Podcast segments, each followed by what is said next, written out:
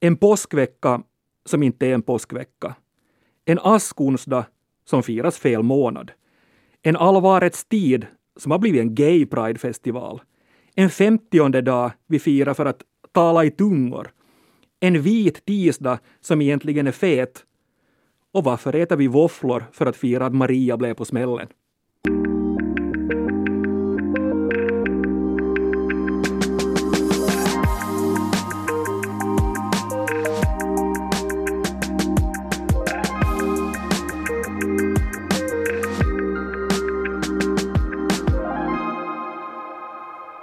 Näst sista ordet är här igen med mig Jens Berg och språkexperten Jenny Silvin. Hej!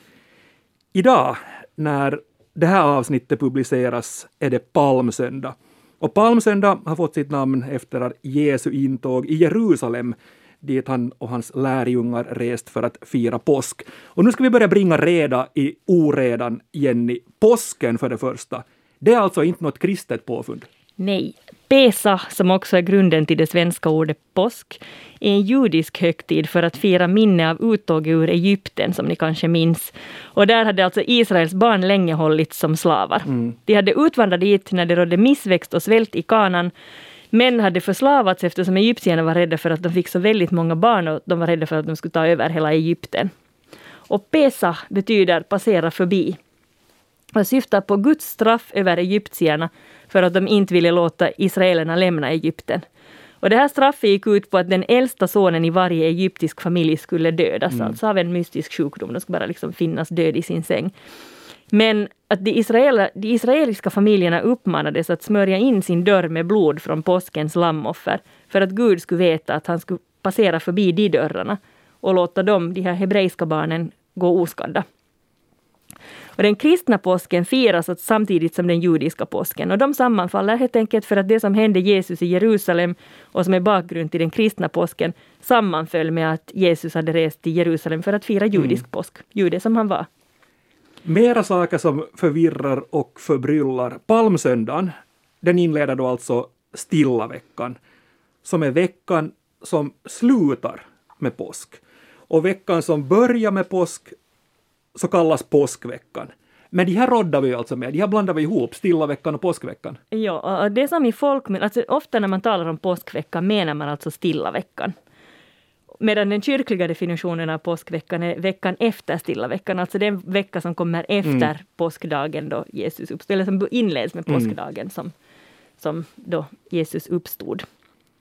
Och palmsöndagen som inleder stilla veckan den beskrivs i alla de fyra evangelierna och dagen heter palmsöndagen därför att Jesus red in i Jerusalem på en åsna. Han var väldigt emotsedd och folk mötte honom och hälsade honom och viftade med palmblad. Och de här palmbladen har i Norden fått symboliseras av vide och sälj. Och påskris är alltså en nordisk version av de här palmbladen. Sen på finsk håll via en karelsk tradition så är det på palmsöndagen barn har gått från hus till hus och önskat grannarna en glad påsk med virvon, varvon, ramsor med önskan om välgång. Medan man då alltså på finlandssvenskt håll har klätt ut sig till påskhäxor på påskafton, det vill säga lördagen i stilla veckan. Ja. Och numera har de här traditionerna gått ihop och, och huruvida man sen påskhäxar på palmsöndagen eller på påskafton har mycket att göra med de språkliga förhållandena där man bor. Om grannskapet är övervägande finskspråkigt eller svenskt. Jag kommer ihåg det där, det var jätteförvirrande i, i början det här med påskhäxor på palmsöndagen för, för mig när, när jag flyttade till, till södra Finland. Det satt så djupt i mig det här med att, att påskhäxorna skulle komma på påsklördagen, alltså på påsk, påskafton. Och, och jag kommer ihåg då för ungefär 30 år sedan så funderade jag massor på vad det där virvon varvon riktigt betydde och jag kom ju fram till då att det betydde att man skulle svänga med en videkvist. Och nu kollar jag upp det också, att etymologin, och då hamnar jag i Ryssland och ordet verba som betyder vide. Ja, just det. Mm. Och alltså i min barndom var det också på lördag vik och påskhäxa yeah. i Esbo, helt här i södra Finland. Men, men sen tippade jag, dels det att den här virvon-varvon-traditionen som tidigare hade varit karelsk bredde, bredde ut sig i Finland. Och sen det att språkförhållandena kanske lite tippade över, så att det blev mer övervägande finskt, ledde till att först fanns det två parallella traditioner med, med påskhäxor på palmsöndagen och på lördagen. Och sen minns jag att, att min syster när hon gick påskhäxa på lördag så frågade men, men varför är du inte ute på palmsöndag? Och nu är ju vårt godis slut. Men ja, innan vi tar itu med alla konstiga namn på dagarna i stilla veckan så tänkte jag vi skulle ta det här från början. För däremellan kommer ju fastan, som det heter. Varför säger vi fastlag? No, fastlag, så det avses för fastan, alltså de här dagarna från fastlagssöndagen till och med fastlagstisdagen.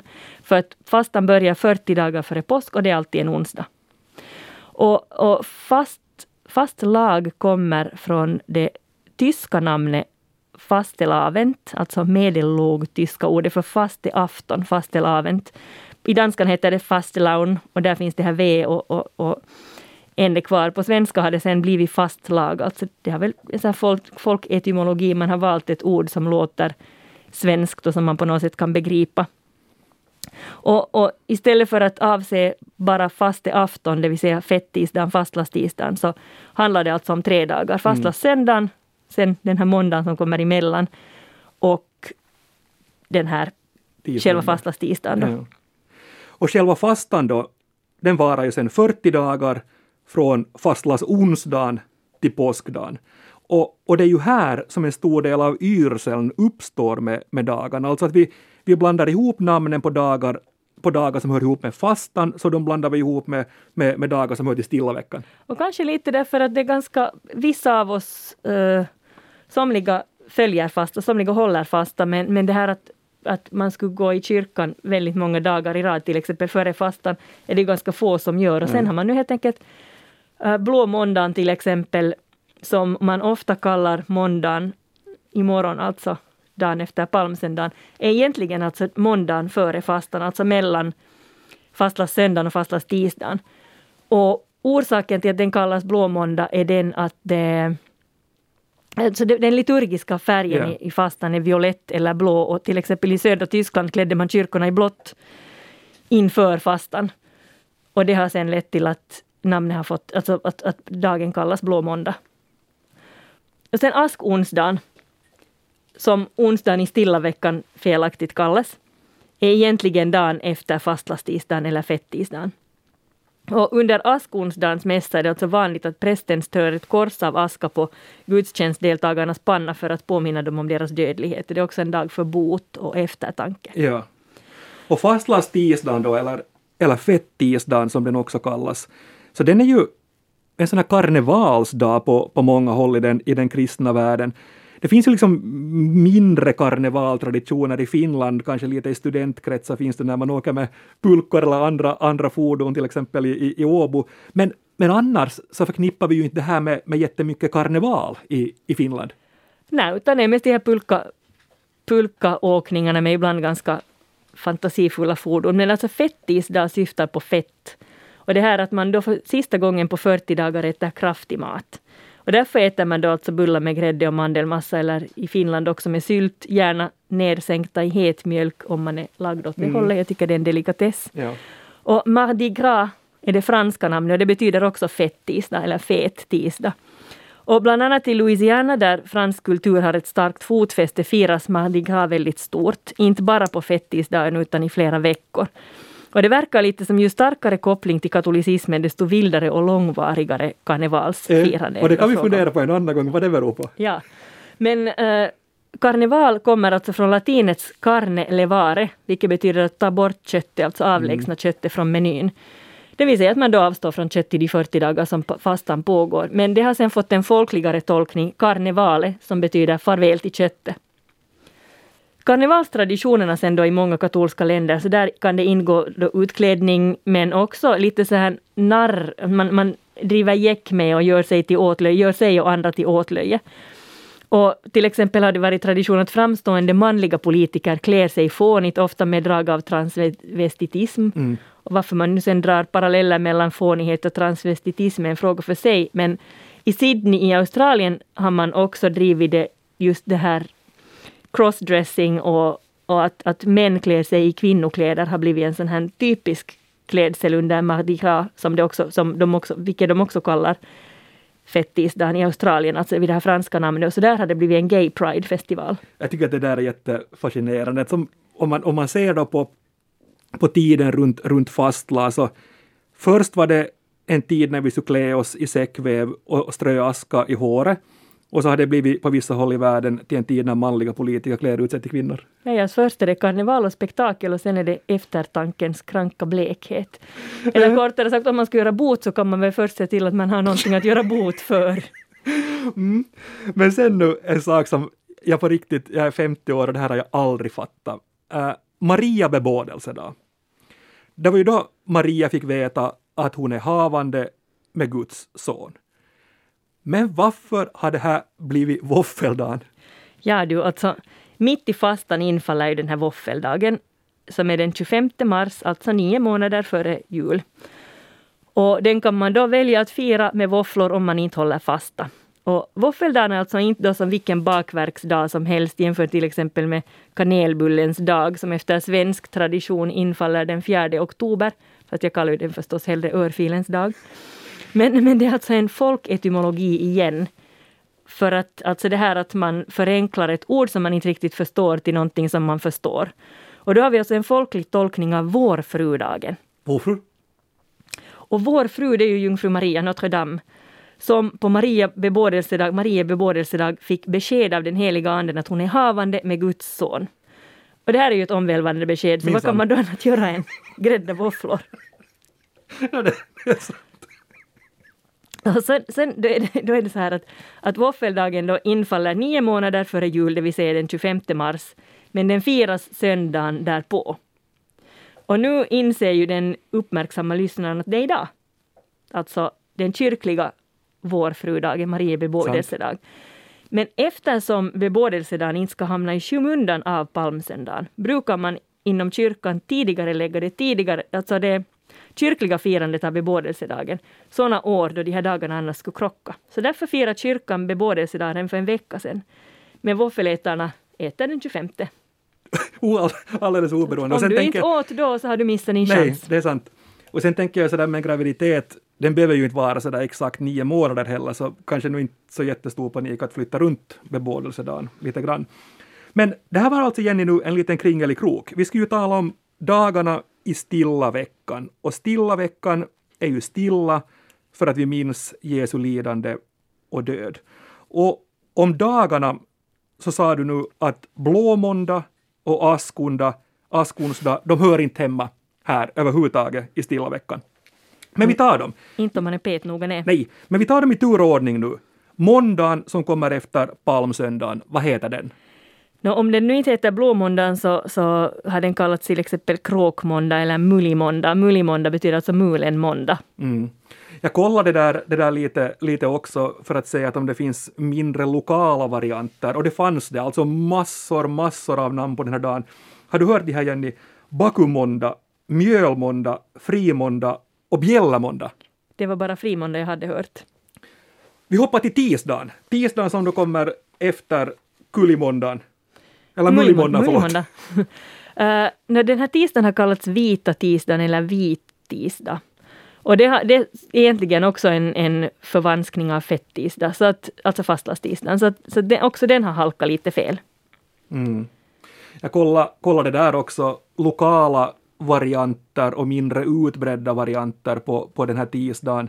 Smakutisdag Nej, det är ju en, en dag, man har baku måndag och samma smaku tisdag. Ja, fast smaku tisdag låter inte någonting sånt som ni skulle kunna ha i Emsalö på, på midsommar. Ja, ja, att man smakar lite. Mm.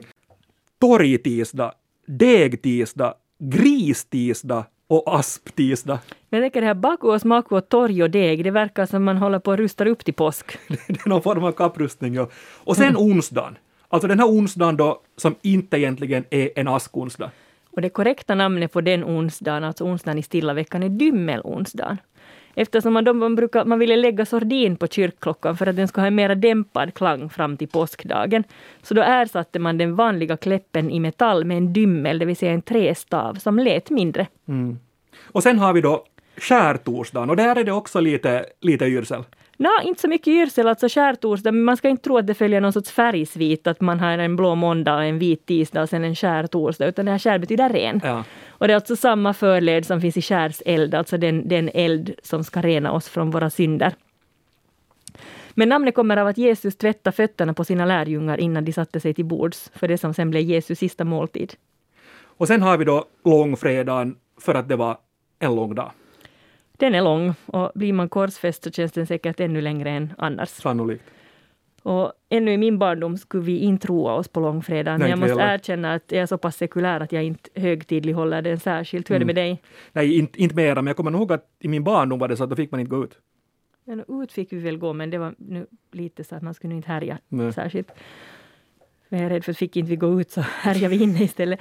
Men, men jag brukar minnas Amnesty International med en peng faktiskt, därför att folk fortfarande torteras och dödas på grund av sina åsikter. Edelt. Nå edelt och edelt, men något Ja. kan man göra någon gång. Och på engelska heter långfredagen Good Friday och good betyder här helig. Och det är alltså inte en särskilt bra fredag det är fråga om, utan en helig fredag. Mm.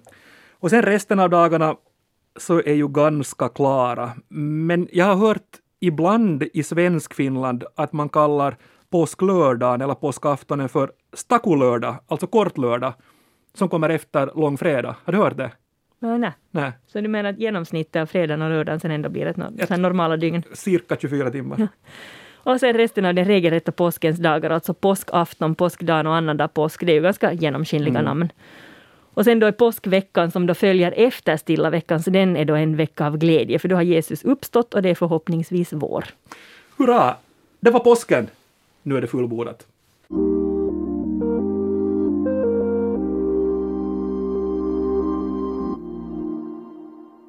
Jag tänkte vi skulle avhandla några andra märkliga dagar också nu när vi är på, på gång här. Vi var inne på, på fastan och fastlan inte direkt innebär någon stor karneval i, i Finland. Men det gör ju sen valborgsmässoafton eller, eller vappen. V- Vem var Valborg? Alltså valborgsmässoafton som firas efter den heliga Valpurgis har på många olika håll i Europa firats med valborgsbål. Också i Sverige är det vanligt att man tänder valborgsbål där körer sjunger vårsånger. I Finland är det mindre vanligt med brasa, men bland annat i Mariehamn och Fiskars eldar man brasa. Den här Ja. traditionen bakom brasan är bland annat alltså att det ett praktiskt sätt att göra sig av med döda kvistar och, och löv och, och sån här bråte som vintern har lämnat efter sig. Mm, eller som man samlar på sig under påsk. Kanske det också. Och, och I Finland är valborgsmässoafton och första maj, om man inte firar första maj genom att delta i politiska eller kristna marscher, framförallt en urban studentikos vårkarneval. Vi ska hoppa fram i kalendern lite. Eh, vi var inne på att fastan inleds 40 dagar före påsk. Och sen 40 dagar efter påsk. Då är det dags för en ny högtid. Och det är Kristi himmelsfärdsdag som infaller på en torsdag. Och I folkmun kallas himmelsfärdsdagen lite vanvördigt Kristi flygare, i Finland Kristi flygare i Sverige. Och firas alltså för att Jesus efter sin död och uppståndelse lovar stanna hos sina lärjungar i 40 dagar innan han lämnar dem för gott. Och 40 dagar efter påskdagen gick han sen till Veders. Och ytterligare 10 dagar senare kan vi säga att vi sätter punkt, eller pingst, för påsken. Ja, men, men den här med pingst. Jag, jag tänker att det måste vara ett av de märkligaste orden vi har överhuvudtaget. Alltså var, varifrån kommer pingst? Nej, jag fick läsa på här, det kommer från grekiskans pentekoste som betyder den femtionde. Så det är alltså den femtionde Ja. dagen efter påsken. Pingsten sägs vara den kristna kyrkans födelsedag. Och då kom den helige ande över apostlarna. Och det var alltså 3000 människor fick under pingsten, den första pingsten, det kristna dopet under ledning av Petrus. Och tack vare den heliga anden kunde apostlarna förrätta dopet på vars och ens eget språk. Och det var alltså det första dokumenterade tungotalet, Ja. tungomålstalet. Exakt. Och den heliga anden anses vara den av delarna i treenigheten som många tycker, eller många tycker att den är mest kryptisk på något sätt. Men om, om jag nu skulle försöka mig Mm, på en det. tolkning ser jag det så här. Att Fadern är Gud och Sonen är Guds inkarnation på jorden, alltså den gestalt som Gud enligt Bibeln tog för att kunna gå bland människorna. Alltså Jesus. Mm. Och sen, den heliga anden är sen det uttryck som Gud tar i de som tror på honom. Till exempel då i form av samhörighet eller frid eller vilka, vilka uttryck tron nu tar sig. Det var ganska bra förklarat. Eller också budskap, här var det liksom helig, den heliga anden Ja. som sa åt jungfru Maria att hon är havande då på, på, och med Guds son på Mm. Marie bebådelsedag. Och då tänker jag just att det var ett budskap, en kontakt, en gudskontakt Mm. som uppenbarade det här för henne. Exakt. Och så käkar de våfflor. Och, och det finns ju pingstvännerna, eller, eller pingströrelsen sen också, de betonar ju speciellt mycket den här, det här med andedop och, och det, du var, det du var inne på, den helige, helige anden. Mm. Och så kommer vi då framåt i kalendern igen och då kommer vi till midsommar. Och då, är det kanske också vissa i Finland som talar i tungor, men lite av annan orsak. Uh, själva midsommar, det är ju inte så jättespännande som namn. Nej, det är inte spännande, men eh, vi nämner det nu i alla fall eftersom många lite dialektalt önskar varandra glad Johanne. Och eftersom midsommardagen traditionellt firades den 24 juni, alltså på Johannes döparens dag, precis sex månader före jul. Och numera sammanfaller midsommar alltid med en helg, alltså ett, ett veckoslut, men, men tidigare alltså var det den 24 yeah. Juni som var Johannes döparens dag, alltså midsommardagen. Många håller nu för tiden, trots att det, det är helg, att midsommardagen är lördag, så håller många ändå ledigt eller halvdag på midsommarafton. Ja. Och Johannes döparen var alltså en profet som förkunnade Guds ankomst och uppmanade folk att omvända sig till den rätta tron och låta döpa sig. Och också Jesus lät döpa sig av Johannes. Och därför säger vi skräppor och glad Johanne. Eller snippor och glad Johanne. Också det. Sen kommer en, en ganska lång period i vår almanacka när det inte egentligen finns så många speciella dagar, förutom då örfilens dag som du var inne på, 4 oktober. Man kan hitta en bulle för varje dag eller någon sorts kakubeta för varje dag om man riktigt mm. letar. Men, men kanske, kanske några ord om alla helgons dag och halloween och hur vi såsar där? Ja, just det. Det, det, det är ju det här med att så, det firas alla helgons dag och de dödas dag firas i många katolska länder, kanske med centrum i Mexiko, medan det i Norden då är vanligast att man firar, man tänder ljus vid släktingars och vänners gravar. Att det är liksom inte någon, någon sån här stor familjefest utan en ganska sån här lågmäld och introvert helg. Ja. För vår relation till helgon i Norden är ganska dunkel. Men enligt kyrkan är alla Guds barn heliga och kyrkan uppmuntrar sina medlemmar att minnas avlidna mm. Och sen har man numera på grund av amerikanskt inflytande börjat fira halloween också hos oss med utklädning och upptåg. Det är en anglosaxisk tradition, alltså inte bara en amerikansk utan det är bland annat irländare och andra som har utvandrat till Amerikat. Men där har det sen blivit ett stort spektakel och det här namnet kommer från All Hallows Eve, alltså alla helgons afton. Ja. Så i princip är det, är det samma sak men det tar sig bara, bara jättelikt annorlunda uttryck. Ja, jag menar just det här halloweenfirandet, så där klär man ut sig till nästan vad som helst och kan kan då busa med folk och, och tigga godis. Ja. Alla helgons dag, allhelgona firas här då med just ljuständning på gravarna eller, eller kanske hemma. Mm. Och sen då i Sydamerika så är det ofta så här stora familjefester och också till och med så att man faktiskt samlas vid gravarna och sitter där och mm. äter och minns de döda. Och nu som grädde på våfflorna och utan dymmel så har jag sparat den mest märkvärdiga till sist. Och det och det är också den dag som kanske tar oss tillbaka till, till, till början, tillbaka till, till, till ruta ett, där vi inledde det här avsnittet. Och det handlar om kyndelsmässodagen. Ja, alltså efter att Jesus hade fötts, vi, vi, då, julen är ju Jesu födelsefest. Och sen har vi då kyndelsmäss där Maria bar, som firas för att, alltså 40 dagar efter jul, där vi minns hur Maria bar fram Jesus i templet. Och kyndelsmässodagen, så den firas den 2 februari eller då söndagen därpå. Och om det då är fastlagssöndag så flyttar man igen på kyndelsmässodagen så den firas en vecka tidigare. Ja. Och kyndelsmässodagens namn sammanhänger också med en gammal medeltida sed att sen då, den dagen välsigna alla de ljus som ska användas i kyrkan under det kommande året. Och sen, och sen själva, själva ordet kyndel? Kyndel är ju kynttilä det. Det är kynttilä? Ja. Alltså kyndelsmässa, de är ombildade från missa candelarum och kyndel men man hör ju också kandelaber som en ljusstake, att kyndeln är ett gammalt ord för blossljus eller fackla. Mm. Och kyntila också kommer, kommer därifrån som du, som du sa.